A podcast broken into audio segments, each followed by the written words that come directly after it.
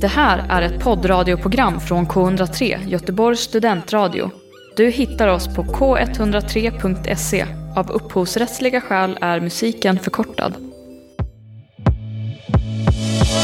Du lyssnar på Korrespondenterna, en podd om studentpolitik från Göteborgs förenade studentkårer och tidningen De Göteborgske Spionen.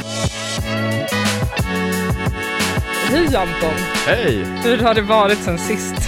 Det har varit fint. Vi har börjat, kanske jag sa förra avsnittet också, men vi håller på massa med överlämning nu. Så hela förmiddagen så har jag suttit med Excel-dokument och pepprat in koder och uh, pratat om bankkostnader och sådana fina grejer. Åh vad mysigt, Ja, du det- som älskar ekonomi. ja men det, Mm, mm, mm, mm. Jag ser hur det glittrar i dina ögon. det är så roligt. Det är så roligt. Vad underbart. Mm. Um, ja, jag ska berätta att idag så ska vi prata om eh, psykisk eh, hälsa, eller ohälsa. Eh, för vi har nämligen bjudit hit våran, våran studenthälsa som är Feel Good. Ehm, och vi har två gäster och det är Rebecka och Jasmine och de ska få presentera sig själva. Hej! Hej! Mitt namn är Jasmin Jalabian och jag arbetar som företagssköterska på Feelgood då, deras studenthälsa som finns för både Göteborgs universitet och även Chalmers. Jag sitter mycket i eh, samtal med studenterna, eh, tar ett bedömningssamtal, försöker kartlägga lite i det de kommer in med och se vad kan vi hjälpa till med och vad kan vi inte hjälpa till med. Och sedan då så försöker jag ju att planera vidare i de insatserna som vi kan utföra. Och sedan så först driver jag ändå en del eh, insatser på gruppnivå, till exempel på Sahlgrenska akademin och lite kontakt med eh, Johan Häggman och Linda Emanuelsson som är kontaktpersoner på GU då också. Vad jobbar de med på GU? De är ju kontaktpersonerna som vi har och det är väl de som eh, driver hela från GUs sida om man säger så. Precis, det är de som oftast lägger in liksom, eh, uppdrag till oss eller så, jobbar med att, att få in olika saker som vi kan jobba med. De har ju lite olika inriktningar. Jag vet att Linda är mer riktad kring liksom, studenterna och mer individinriktat också. Medan Johan är den som kanske jobbar mer med det systematiska arbetsmiljöarbetet då på övergripande nivå, både för studenter men också faktiskt för medarbetare tror jag. Men de jobbar liksom på en central nivå i relation till liksom, arbetsmiljön och då studenternas liksom, psykosociala och organisatoriska arbetsmiljö. Liksom. Rebecka, du ska också få presentera dig Yes. förstås. Precis, hoppade in här innan. Rebecka Barahoan heter jag och är legitimerad psykolog då, jobbar också på Feelgood med studenthälsa. Som psykolog så jobbar jag både då i individkontakter, träffar liksom studenter och, och pratar om liksom hälsa och utveckling och försöker ta hand om den delen men också en del liksom övergripande organisatoriska insatser. Så liksom väldigt blandat egentligen. Eh, och det vi hjälper till med det är väldigt, väldigt brett. Eh, de kriterierna som är är att det ska vara relaterat till studierna eller att det är studierna som ska ha orsakat eh, ditt välmående som du har. Så det kan vara allt från att jag känner mig superstressad inför en tenta, jag vet inte hur jag ska planera mina studier, till att eh, jag behöver hjälp med att planera mitt intag utav, för att om man tänker liksom kost och sånt, fysisk aktivitet, det hjälper ju också i relation till hur vi presterar. Eh, så sådana saker kan vi också hjälpa till med. Precis, det kan vara också till exempel, vi har ju förutom våra kategorier så finns det ju också till exempel fysioterapeuter och sjukgymnaster som ju hjälper, alltså det är ju inte alltid så att man sitter i de schysstaste ställningarna och på de bästa platserna när man pluggar. Och liksom saker som är till kroppen och ergonomi har vi också stöd kring. Men jag jobbar ju mycket med den psykiska hälsan och då kan det vara både liksom att man kanske också vet att så här, det här har varit en utmaning för mig och den här terminen vill jag liksom ändå börja på en, en schysst start. Kan vi liksom jobba lite så här förebyggande men det kan också vara till exempel att vi mår dåligt i relation till studierna eller att jag kanske, det kanske händer jättemycket olika saker runt omkring och studierna påverkas utav det. Det är ju sällan vi liksom, vi lever ju inte i något vakuum så studierelaterat är ju brett. Så vi försöker stötta upp med det som vi kan liksom. Mm. Så länge det på något sätt är kopplat till studierna så Ja. är vi ganska öppna i, i det. Ehm, om vi känner att vi kan liksom stötta. Mm. Eh, så.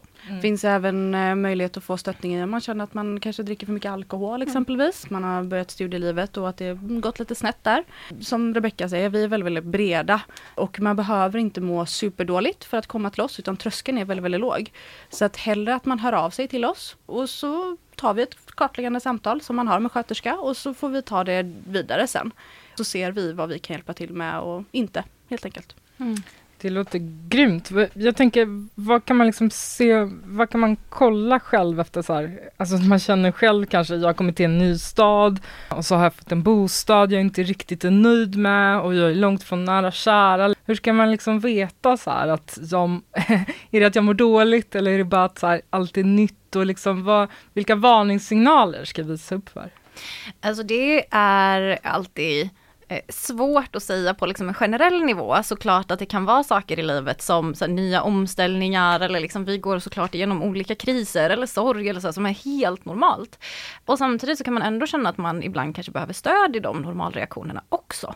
Speciellt om man då kanske är lite isolerad från de som i vanliga fall hade varit en stöd, eh, så kan det ju vara så att man kanske är ännu större behov av att faktiskt få den där personen och, bolla lite med eller få prata lite med. Det är inte alltid så att det liksom behöver vara någon jättelång grej, utan det kanske kan bara vara skönt att få tänka lite med någon kring, är det här liksom någonting som jag behöver en insats kring? Eller så här, vad kan jag göra för att må bra? Eh, det kan vara svårt när vi känner att saker är tungt och, och få tillgång till de perspektiven, att vad skulle jag själv kunna förändra eller vad skulle jag må bra utav nu? Utan vi kan behöva lite hjälp med att hitta de där sakerna. Um, men sen kan man ju alltid lägga märke till så här, förändrar jag mina beteenden? Har jag slutat med saker som tidigare varit väldigt viktigt för mig? Eller som har gett mig mycket grejer? Uh, vid stress är det jättevanligt att vi prioriterar det som känns som att det är mest bråttom just nu. Uh, och då ryker oftast mycket andra saker som är jätteviktiga. Uh, sociala kontakter, mat, sömn, träning, alla de där grejerna försvinner. Eh, och då kan vi behöva liksom hjälp med att hitta tillbaka till balansen utan att det för den saken skulle betyda att vi liksom är så här, i en diagnos eller en utmattning. Utan ibland kan vi liksom också behöva stöd för att kunna förebygga att det blir sämre. Mm. Så att, eh, ja, svårt att svara på. Fattar. Vill du lägga till ja, men, alltså Man kan tänka lite att vi, vi vill ju helst mycket gärna vara med och jobba förebyggande och främjande. Vi vill ju helst liksom jobba och hjälpa studenterna i att försöka komma till innan de kommer till den punkten där de känner att stressen är för påtaglig och de inte klarar av sina studier längre. Vi vill försöka komma in innan där och jobba och uh, hjälpa dem på olika sätt. Uh, så att därav så även om man inte kanske hittar de här tydliga signalerna som Rebecka nämnde här, så tycker jag ändå att man kan i så fall höra av sig och bara bolla precis som, ja, som Rebecka nämnde innan också. Att man bara kan bolla saker. Eh, är det här normal känsla? Ska jag känna så här? Eller är det här någonting som, är jag ensam med att känna så här? Och det är man säkert inte, utan det finns ju flera tusen studenter i Göteborg. Och det är många som flyttar hit och känner sig ensamma i början. Att få den här sociala liksom, delen också och kunna få lite bekräftelse i att det är normalt att känna så som jag gör. Mm. Mm. Det händer ju att folk kommer till oss eh, och så har man liksom inte sökt för att man är rädd för att man inte mår tillräckligt dåligt eller att någon annan kanske skulle behöva hjälp.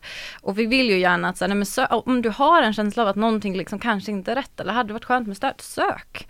Våran liksom, vårat mål är att egentligen den enda tröskeln ska finnas är att det är liksom relaterat till studier. Det är liksom där vi sätter den. Och sen som du mår bra och vill jobba liksom för att må bättre, skitbra, kör vi på det. Eh, men det finns liksom ingen begränsning i att så här, du måste må så här dåligt. Det, vi kommer inte säga att så här, du mår inte tillräckligt skit för att vara här. Utan så här, vi vill ju liksom stötta på alla sätt vi kan liksom, för att du ska kunna ha en, en bra studietid. Mm. Ja. Det låter grymt. Jag tänker på två saker. Vi har pratat om studenter, liksom, om, man, om man skulle kolla på, finns en särskild grupp bland studenterna som som mår särskilt dåligt eller som söker extra mycket. Så kan ni se några sådana liksom, ja, jag vet inte, kanske är farligt då liksom, men, men vi ska ju säga att vi inte, eh, vi träffar ju studenter såklart och, och, vi träffar en hel del studenter, men vi träffar fortfarande en ganska liten andel av alla studenter som finns på både GU och Chalmers. Eh, så därav så blir det jättesvårt att så uttala sig om stora grupper, för att vi har så otroligt lite data egentligen att bygga den slutsatsen på. Sen är det såklart att vi försöker se, liksom, finns det trender eller finns det liksom, så här, kan vi se någonting som, som vi kan lyfta och som man kan tänka att så här, okej, okay, men det här kanske universitetet eller Chalmers behöver fokusera mer på eller jobba mer med. Eh, det försöker vi göra. Men, Mm. ja. För där brukar vi ju, om vi ser trender hos vissa studenter eller en viss grupp, så brukar vi ju lyfta det till exempelvis då Linda och Johan. Som sedan lyfter vidare till den fakulteten som, där de studenterna befinner sig. Så att man kan titta mer övergripande på det. Vad är det som har skett? Har det hänt något speciellt på just den här institutionen eller programmet? Eller finns det någonting som vi hade kunnat göra annorlunda och så vidare. Så att vi försöker alltid att lyfta, när vi ser gemensamma, gemensamma saker från flera studenter, så försöker vi alltid lyfta det på en högre nivå för att kunna se hur kan vi arbeta tillsammans för detta. Mm.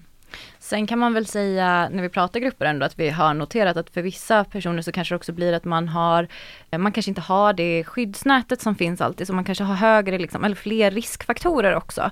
Att när vi mår dåligt så, så kanske det är större risk att det blir liksom försämras snabbare eller att jag kanske har svårare att hantera det för att jag kanske inte heller har de stödfunktionerna som vissa andra har. Till exempel eh, om man är ny till staden och inte har lärt känna nya människor eller om man kommer från en annan kultur, ett annat land och kommer hit som internationell student, då kan det ju vara så att man är lite mer sårbar också för att saker och ting händer runt omkring en. Sen är det svårt som sagt att uttala sig på hela, men vi kan ändå tänka kring att så här, vissa grupper har kanske fler riskfaktorer när det kommer till hälsa och ohälsa då, eh, än andra. Ja, men jag tänkte precis fråga om internationella studenter, för jag har förstått att de är lite liksom, utsatt eh, grupp där. Liksom, är det något mer ni vill, ni vill säga om det? Ja, alltså det är ju som Rebecka säger att man har ju större riskfaktorer som internationell student eller som kan liksom väga över om man säger så. Man kommer hit och kanske inte har något skyddsnät och den sociala situationen är lite svår, man har svårt att hitta vänner och då är man ganska ensam i den delen. Eh, sen så är det vissa studenter som också haft problem med boendesituationen, kulturen, alltså kulturen i Sverige jämförelsevis med andra länder, det är ju ganska stor skillnad. Och även om man tittar på kulturen men också liksom i universitetet. Skillnaden mellan ett universitet här i Sverige jämförelsevis med ett annat universitet utanför Europa. Det är ganska stora skillnader i hur man får bemöta sin lärare, vad man ska göra, hur man ska inte bete sig och så vidare. Så att vi ser ju en del utav dem också. Mm. Jag tänker också på, nu när vi pratar om internationella studenter, att det också finns många liksom, doktorander som kommer hit och, och kanske inte har liksom, familj och vänner och, och liksom, kanske också så tenderar att typ, bo på sina kontor om man brinner för sin forskning och sådär. Men äm, är de också välkomna till, till er? Precis, eh, doktorander ingår inte i avtalet för studenthälsa utan de räknas som medarbetare när man tittar på avtal då gällande liksom hälsovård. Så att de tillhör då företagshälsovården, eh, vilket är ett avtal som vi inte längre har. Eh, vi har haft det innan men vi har inte det längre. Vilka är det som har det? Avanova. Avanova. Okej, aldrig hört talas om Mm. någon. Ja, jag har en liten fråga också. Och jag tänker, erbjuder ni liksom också någon slags workshops, meditation, liksom några sådana grejer? Eller är det bara samtal ni erbjuder liksom, eller hur ser det ut? Just i meditation har vi inte gjort det. Jag vet att det har varit på diskussion, eller på, liksom, på tapeten, att vi har diskuterat olika insatser som vi kan göra. Vi erbjuder till exempel Våga tala-kurs som ju är liksom mer någonting som inte är liksom ett tillfälle eller ett samtal utan som är någonting som sker i grupp då. Också utifrån att vi vet att om man har talängslan eller social fobi så vet vi också att, så här, att att på något sätt behandla eller stötta det i grupp ger bättre resultat forskningsmässigt också generellt. Eh, men sen har vi också en del föreläsningar eh, och vi, vi har haft workshops också. Det är ju lite blandat eftersom en del beställs från eh, central nivå och då är det till alla medan en del också, så här, en del institutioner kan också beställa en insats och då kanske vi har varit ute och gjort en workshop eller sådär. Så det varierar lite men vi kan ju erbjuda det mesta. Liksom. Absolut, så skulle det vara så att ett, eh, en grupp studenter uttrycker att ja men vi vill jättegärna ha någon meditationsdel eller så vidare. Att det finns ett stort intresse kring eh, hos studenterna för detta så skulle vi självklart kunna ordna det egentligen. Mm. Så att eh, det beror ju också helt på vad, vad det finns för efterfrågan hos studenter. Mm. Vi har ju exempelvis en stressutbildning som eh, Rebecka har spelat in som finns på studentportalen som är tillgänglig för alla studenter och som är kostnadsfri. Så att där kan man ju bara gå in och eh, ja, men ta den utbildningen och hoppa in och ut ur den och lära sig väldigt mycket bra saker eh, som finns tillgängliga. Jag har också en till fråga då och det är lite om ni har någon indikation på hur liksom era tjänster och er verksamhet liksom upplevs av studenterna och om ni har någon slags, om ni ser någon slags förbättringspotential med, er verksamhet i nuläget. Vi har ju utvärderingar. Varje student som är hos oss så gör en, liksom en serie utav eh, besök, gör en utvärdering hos oss och eh, självklart finns det alltid förbättringspotential. Vi kan ju förbättra allt. Och i utvärderingen i alla fall så har vi ju fått väldigt positiv feedback i relation till hur tillgängliga vi är och stöttningen som vi ger. Eh, och eh, absolut så hade ju en sak som vi hade kunnat förbättra är att synas mer.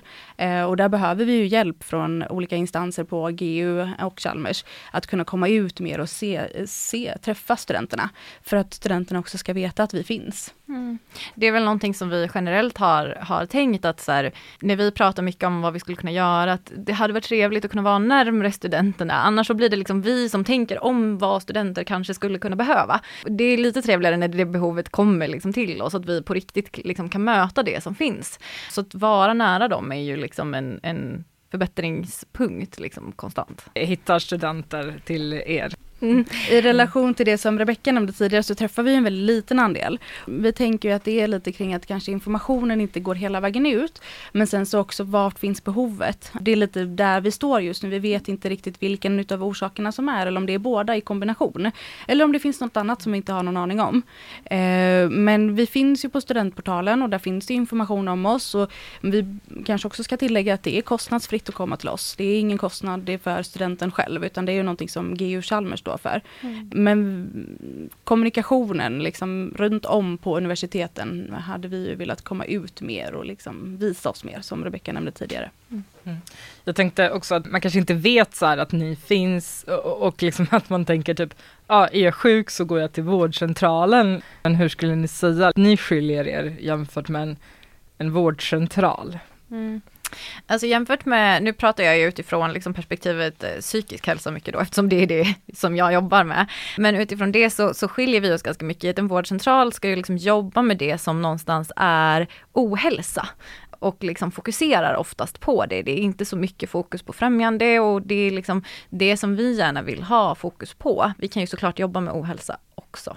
Det är liksom ingenting vi utesluter. Men en vårdcentral innebär också kanske att man har en längre vårdkontakt, kanske lite längre behandlingar i större utsträckning än vad vi gör. Hur många besök kan man få hos eh, er om, om man till exempel vill gå, träffa en psykolog då och prata? De flesta som eh, jag träffar, om man har liksom alla besök, så har man då ett initialt mer liksom, ja, bedömningsbesök eller orienterande besök där vi går igenom liksom sökorsak och vad kan vi jobba med och vad vill vi rikta in oss på. Eh, och sen så har man tre besök till. Eh, så då blir det liksom totalt fyra stycken per kalenderår då, är den den möjligheten som Och vi skulle har. det vara så att man vill dela upp det, man vill ta två besök hos psykolog men också känner att man har en problematik med rygg och axlar eller det finns ju också stressrelaterat liksom mm. kopplat till fysisk aktivitet och så vidare. Då kan man dela upp två stycken besök hos eh, fysio och så två hos eh, psykolog. Så att det beror helt upp till eh, studenten själv och, det, vad den önskar. Så att där är vi väldigt så flexibla i det. Jag tänker om vi blickar ut lite mot, mot liksom staden och sådär. Vi bor ju ändå i Göteborg och och så. Och du Anton, du jobbar ju med Göteborgs förenade studentkårer, alltså både, både Chalmers och GU, det gör ju även ni. Men jag tänker att så här, staden kanske också har ett ansvar här. Hur jobbar staden för att främja den, den psykiska hälsan hos våra studenter så att de liksom sedan går ut och blir liksom till friska medborgare och, och framtida medarbetare kanske? Studenters, studenter som specifik grupp har ju länge varit, eh, det har liksom inte funnits en kartläggning av just studenter utan det har varit unga vuxna eller äldre ungdomar eller vad man nu ska kalla det, kalla det för. Så nu har staden eh, för något år sedan eh, startat upp, eller liksom börjat initiera ett slags nätverk tillsammans med, med GU Chalmers då och även Västra Götalandsregionen där man kartlägger och som senare också ska resultera i någon slags nätverksträff och kunskapsspridande kring liksom just studenters psykiska hälsa. Vilka sitter med i ert nätverk? Massa olika, alltså det är Svenska kyrkan, det är vi, det är studentkårer, det är feelgood, det är liksom det ena med det femte. Det är jättemycket och det är jättekul och det är jättebra. Eh, så det är mängd olika aktörer som man kan påverka och som påverkar. Där det visar ju att studenter generellt i Sverige och Göteborg mår sämre än förvärvsarbetare. Och det beror på dels det som Feelgood jobbar med, det studierelaterade, alltså press på att prestera och att det är jobbigt att eh, tentaperioderna är stressiga och så vidare. Men sen är det också det som kanske vi i GFS jobbar mer med också, att det finns en press på den ekonomiska situationen, att man känner att det är väldigt mycket och det går ju också ihop sen med någon slags prestation i skolan för att man måste jobba extra vid sidan om. Och det tar ju väldigt mycket energi och sen är det också bostadssituationen som är eh, katastrofal om man ska vara snäll. Det tar ju väldigt mycket tid, leta bostäder, flytta, får aldrig något tryggt hem, kan aldrig sitta hemma eller känna sig hemma för att det vet att om fyra månader så är jag en annan källare och det, det blir inte jättebra. Och sen är det också som vi i GFS ser det en stor fråga med arbetsmarknaden sen. Vad händer med mig som student när jag inte längre är student? Vad ska jag ta vägen? Kommer jag få ett jobb? Hur kommer min bostad, om man bor i mm. studentbostad då, vad tar jag vägen då? Mm. Så det är väldigt mycket existentiella frågor som vi ser mm. det som och sen en sak som det här nätverket också snappat upp är att det finns en det finns en jobbig, jobbig samhällssyn, den här som, där man kan säga att allt är möjligt, du kan bli vad du vill, du kan göra exakt vad du vill när du är klar med dina studier. Och så kommer man ut så har man peppat upp det och så kommer man ut och så söker man 250 jobb och blir kallad till en intervju eller ens någon intervju och så känner man, nej men det här stämmer ju inte överens med min världsbild och just det blir en, det blir jobbigt liksom. Mm. Eh, mm. Finns det, finns det några verktyg för att deala med den här ovissheten på liksom bostadsmarknaden, arbetsmarknaden generellt, att vara en ung vuxen på väg till något annat, liksom det existentiella. så det finns det några så handfasta tips? Och det var så här jätteenkelt bara, oh, gör så här, steg ett. Nej men. Just det, jag ska bara ta fram min instruktionsbok här så kör vi. Nej men eh, inte riktigt kanske. Um, det finns ju liksom mycket är ju att så här, Um, det är svårt när saker och ting känns ovissa. Vi vet att så här, ovisshet är en av de största liksom, triggerserna för oro. Uh, vilket inte alls är konstigt. Vi vet inte vad som kommer hända. Tror sjutton att jag oroar mig kring hur kommer det här bli? Och i samhället som det ser ut nu så har vi liksom mycket press ekonomiskt. Det känns liksom otryggt för många människor och då kommer oro också triggas. Uh, och där blir det ju viktigt också att vi försöker ta hand om oss själva när jag har oro. Okej, men kan jag liksom ändå, även om jag är orolig, kan jag ändå kanske träffa den där vännen eller prata med, med den där personen eller ta en lång promenad eller ett bad eller vad det nu är som är liksom givande för mig. Kan jag ändå ta hand om mig själv trots att jag känner oro? Så att vi liksom inte tappar den delen för vi kommer liksom inte må bättre av att vara oroliga och inte ta hand om oss själva utan kan jag ändå på något sätt försöka hålla mig på en bra nivå.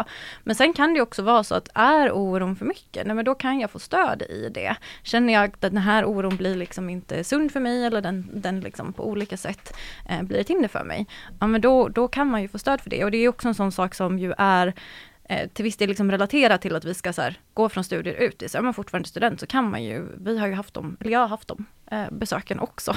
Där personer har liksom den typen av framtidsoro. Eh, och då försöker vi jobba med det. Sjukskriver ni också studenter? Nej, det är inte inom vår del utan det är ju sjukvården som gör det. Så att i tillägg till det som nämndes tidigare vad vårdcentraler gör och vad, kontra vad vi gör så eh, har ju inte vi det som tillhör sjukvården. Vi utför inga utredningar heller och det är ju för att eh, det är ju enligt avtal och det är ju för att studenthälsan kanske inte heller finns som studenthälsan för den studenten längre, eh, när den studenten slutat studera. Och då behöver de ju stöd från sjukvården. Så att därav så ska allting samlas från början då hos sjukvården. Så att eh, är det så att man känner stöd och eller i samtal med psykologen att man kommer fram till att nej men eh, du känner att, eh, eller du skulle behöva en sjukskrivning eller det skulle vara det här eller det här. Då kommer du behöva vända dig till sjukvården, exempelvis då vårdcentral eller psykiatrimottagning eller vad det nu kan vara. Mm. Så att där försöker vi också lotsa dem vidare, de studenterna som hör av sig. Så det är inte så att vi bara, nej det hjälper vi inte till med, lägger på, utan vi försöker ju så gott vi kan att verkligen guida dem hela vägen. Vissa har vi ju hjälpt verkligen hela vägen, hållit dem i handen till dörren nästan.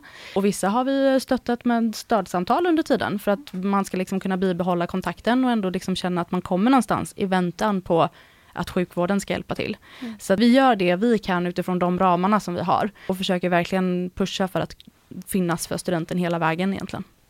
Jag tänker när jag själv var student liksom i, i Uppsala för, för eh, några år sedan så, så var det väldigt svårt att liksom just prioritera sin hälsa för att, eller ohälsa eller vad det nu var liksom. Att, för att så här, det finns så mycket roligt som händer liksom. Så att så här, att verkligen ha någon som bara det här ska du göra och gå dit liksom så här. Då kanske man också så känner att man, eh, att man gör det typ tänker jag. Mm. Och jag tror att det är väldigt vanligt för att studietiden ska ju vara en väldigt rolig tid och det ska hända mycket och man ska göra saker höger och vänster. Och man ska vara med på allt och ändå vara tillgänglig till studierna och vara där 100%. Så att självklart kanske inte välmåendet är det första man mm. tänker på. Jag tänker också tillbaka till min studietid. Kanske inte jag tänkte på det direkt heller. Men det finns nog många situationer som det hade hjälpt mig i att jag hade gått och pratat med någon eller fått stöd bara liksom ett samtal eller bot, bara liksom fått bolla en sak med någon. Någon som inte är i samma situation som mig och någon som kanske har en annan typ av kunskap och som kan vägleda mig. För det, i de stunderna så hade man kanske behövt någon annan som bara sagt till att kanske du ska tänka så här eller kanske vi ska göra så här. Hur hade det varit? Mm. Och också eh, just det här också att Eh, vi har ofta en föreställning om att så här, om studietiden ska vara det här fantastiska och det är underbart när det blir det. Men det är också en del utmaningar och för många kan det ibland också kännas som ett så misslyckande. Att så här, Gud, nu mår jag inte bra under min studietid. Vad betyder det? Vad säger det om mig? Kommer jag någonsin kunna må bra i livet? Alltså så här, mycket sådana frågeställningar också. Och då är det en del personer ändå som, som jag har träffat som tycker att det kan vara skönt också att fundera kring liksom så här, okay, men vad är normalt och hur kan jag tänka kring det här? Och liksom så här, få lite stöd i de tankarna också. Att så här, okay, men hur, hur tar jag hand om mig själv så att studietiden blir så bra som möjligt? Och hur är jag snäll mot mig själv när den kanske inte är på topp alltid? För det är den sällan hela vägen. Um, så att man får med sig de perspektiven. Um, men också i relation till att ha kontakt med, med vården så är det många som kanske kan tycka att man, man har hört mycket om att det är svårt och att det kanske känns läskigt och man vet inte riktigt vad man ska säga. Um, kanske är ganska ung och inte har haft så mycket kontakt med vård heller innan. Och då kan det ju vara skönt skönt att också få liksom, prata med någon lite om så här, okay, men hur gör man då? Och vad, listan, vad ser man om man är listad på en vårdcentral? Hur går det till? Vad säger jag när jag ringer så att de tar mig på allvar? Eh, att det kan vara skönt att få liksom prata med någon om det innan också. Och sen också vara lite rustad inför arbetslivet. Mm. För det är ju också många saker som vi eh, pratar om, det är ju saker som man kommer att behöva i arbetslivet. Vi träffar ju många arbetsgivare och arbetstagare. Så att vi har ju även den kunskapen också, så att vi kan ju ge en hel del kring det också till studenterna och liksom förbereda dem en, en viss liten del för att kunna liksom vara, eh, ta emot det. Mm. Det är ju någonting som vi hela tiden lyfter, ett, liksom ett, ett viktigt perspektiv för oss också, som gör att vi liksom tycker att det är, är kul att jobba med studenthälsa, är just att så här, det här är de som vi kommer jobba med i framtiden också. Och kan vi liksom rusta dem på ett bra sätt, nej men då har vi hjälpt till att rusta företagsvärlden på ett bra sätt också. Så för oss så ser vi liksom bara vinster i att kunna vara liksom i flera perspektiv på det med grymma ni är. Det är dags snart att wrap it up, men först vill jag fråga er alla tre, vad har ni liksom på agendan när det gäller den psykiska hälsan hos studenter under 2023? Ja, för egen del så är det det här nätverket i staden då som är vår egentligen eh, enda inväg i det.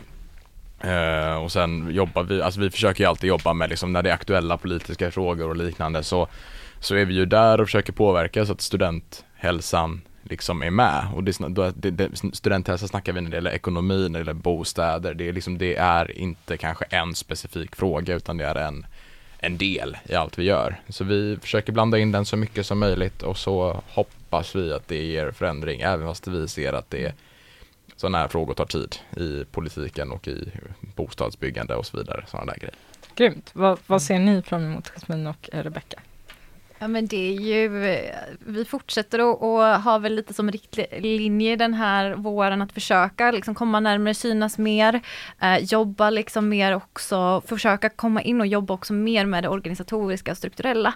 Eh, för att det finns ju liksom aspekter, det finns individerna och deras miljö, det finns ju också så miljön överlag och hur kan vi jobba med den, hur kan vi liksom förbättra studiemiljön från grunden? Eh, är ju en viktig fråga för oss att kunna jobba med det mycket och, och de här övergripande insatserna också. Liksom. Absolut absolut, och även kunna vara tillgängliga och möta individerna som kommer till oss. det viktigaste är nog att synas mer. Alltså. Vi vill komma ut mer och vi vill vara på plats och försöka möta studenterna. Var finns ni då och hur gör man för att nå er? Man kan nå oss på lite olika sätt. Vi har en sida på studentportalen som ni eh, kan hitta om ni söker på hållbart studieliv. Där så har vi lite olika kontaktvägar. Vi har en kontaktväg där ni kan boka en direkttid hos telefon, eh, med telefon hos sköterska då. Ni kan skicka ett webbformulär där ni beskriver ert ärende och det ni upplever att ni behöver hjälp med. Eh, ni kan ringa in och ni kan också mejla in. Så vi har liksom fyra olika kontaktvägar. Får vi hoppas att fler hittat er efter det här avsnittet. Tack för att ni kom hit, Rebecka och Jasmine från Feel Good. I dagens avsnitt har vi alltså pratat om den psykiska hälsan hos studenter i Göteborgs stad, alltså på Göteborgs universitet och eh, Chalmers. Eh, och med oss har vi haft ehm, Rebecca Rebecka och Jasmine från Feel Good som jobbar som eh, sjuksköterska respektive psykolog och tar emot er studenter för samtal, rådgivning, tid med fysioterapeut, arbetsterapeut, you name it, allt som är studierelaterat. Och de finns ju där för er studenter i Göteborg. Tack för att ni lyssnade den här gången. Tack så mycket. Tack.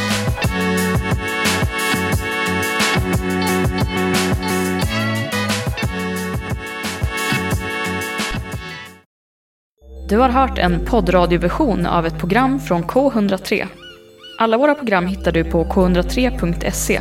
Följ oss gärna på Facebook eller på Instagram. Vi hörs!